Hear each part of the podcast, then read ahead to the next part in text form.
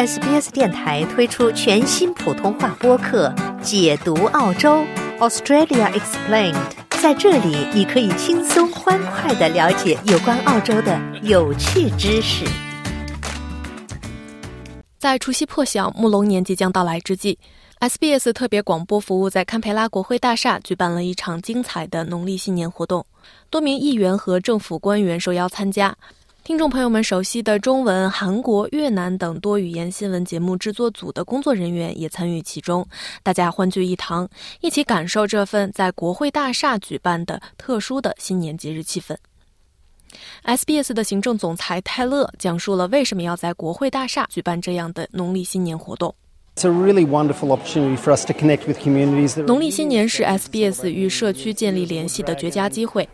一百万澳大利亚人会庆祝今年的农历新年——木龙年。这个活动是我们一年来致力于多元文化社区的精彩展示。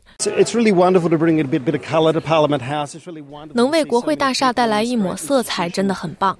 看到这个伟大的机构将这么多人聚集在一起，看到 SBS 正在发挥作用，看到各个社区为庆祝农历新年做出的贡献，这真是太棒了。这对我们来说是一个非常快乐的时刻，我们非常自豪和高兴能够身处现场。泰勒说自己也是多元文化社区中的一员，他在新加坡长大，所以对农历新年也有着一种特殊的情感。农历新年是一个非常隆重且让人感到喜悦的佳节，我对这个日子有很深的感情。小时候我在新加坡长大，我对记忆中精彩纷呈的庆祝活动印象深刻，烟火和舞狮是我印象中最深刻的画面。对于一直以来收听并支持 SBS 内容的听众朋友们，泰勒说：“希望听众朋友们度过一个美好、繁荣、幸福的一年。今年是非常吉利的年份，我希望您能和家人和社区一起享受这个庆祝活动。我希望您能把 SBS 看作是和您一起共度佳节的好友一般。” SBS 普通话记者 Lucy 还在活动现场采访了前来参与传统新年活动的部长和议员们。内政和多元文化部长贾尔斯赞扬了 SBS 在澳大利亚多元文化社区中承担的重要角色。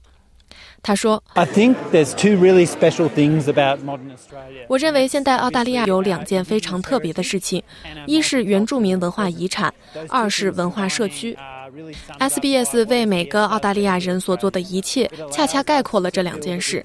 SBS 让我们感受到属于我们自己文化的归属感，让人们听到来自自己语言的内容和与他们经历相似的人的故事，让每个澳大利亚人都为他们给澳大利亚带来的文化感到自豪，并与他们的同胞分享这种文化。我认为 SBS 是澳大利亚独有的瑰宝，我为此感到十分自豪。贾尔斯说。澳大利亚的文化多样性已经经历了生根发芽的过程。对现在的澳大利亚人来说，在这片土地上的所有节日都是属于每一个组成澳大利亚多元社区的个人的。Yeah, I know that my children look forward to Chinese New Year. 我的孩子们都在期待中国新年，很多孩子们也都知道什么是红包。我认为分享传统对建立一个成功且强大的多元文化社会来说非常重要。Lunar New Year is really important.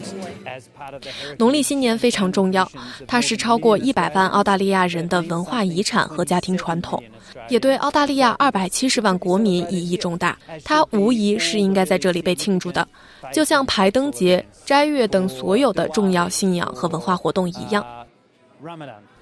议员山姆里在活动现场向华人同胞发出了新年贺词：“我想祝愿所有来自世界各地的所有的华人同胞。”住在澳大利亚的也好，住在世界各地的好，大家呢，农历新年，新年进步，龙龙腾虎跃。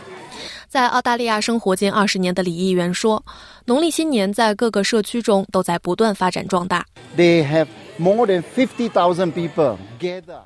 在南澳大利亚，每个农历新年的庆祝活动都会迎来超过五万越南人集聚一堂，数十万华人，还有数百韩国社区的成员也会在此刻庆祝新年。农历新年是真正的所有社区中最顶级、最重要的节日。我很高兴，今年我还看到了很多高加索社区也加入了农历新年的庆祝活动。议员陈莎莉认为，SBS 在国会庆祝农历新年的方式是一个展示澳大利亚多元文化的绝佳方式。It's such a um. 这是对多元文化的庆祝。我认为我们在议会中看到了这一点，它体现了我们文化的多样性。作为来自多元文化社区的议员，看到我们的习俗和节日在国会大厦被庆祝，这真的是很棒。他也在现场向 SBS 的听众朋友们传达了新年祝福。Happy Lunar New Year！祝大家农历新年快乐！愿您有一个繁荣的一年，愿您拥有健康、财富和有充足的时间与家人们待在一起。想在 SBS 当一回影评人吗？SBS On Demand 正在推送配有中文字幕的热门影视作品，您只需观看一部或以上影视作品，并把影评观后感发给我们，就有机会赢得一份 SBS 精美礼品。